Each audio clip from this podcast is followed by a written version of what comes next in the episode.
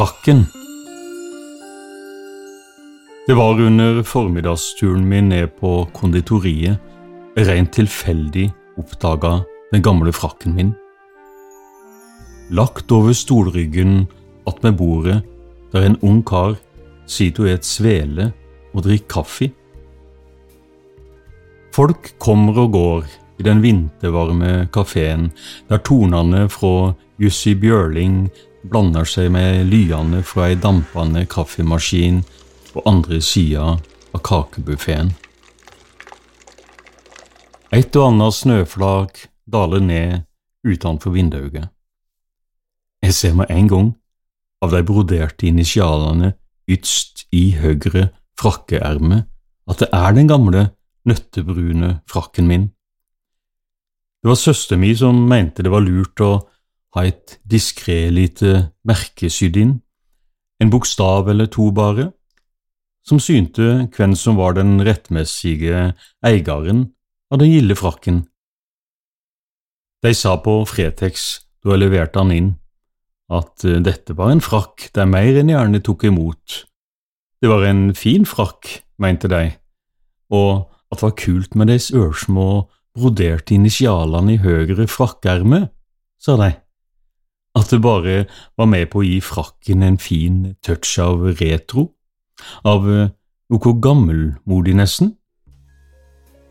Nå sitter jeg her i et lett julepynta konditori og ser mot den gamle frakken min slik den unge mannen har slengt han over stolryggen attmed seg. Mannen som etter hvert ser ut til å ha gjort seg ferdig med svela og kaffen, og som nå reiser seg for å ta på seg frakken att. Fra øyekroken følger en nøye med hvordan han nærmest litt klossete ifører seg det tunge plagget jeg jo kjenner som i egen bukselomme, som om det er første gangen han pakker seg inn i det kneside gevantet med det djuprøde silkefòret.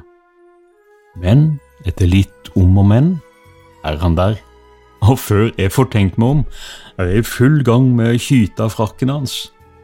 Sitt fint den, ser jeg brått ut i lufta og uten noe videre forklaring. Sitt fint, frakken din. Den unge mannen smiler først litt brydd, før han som senker skuldrene att og tar seg til å stryke med ene handa lett over høyre frakkeerme.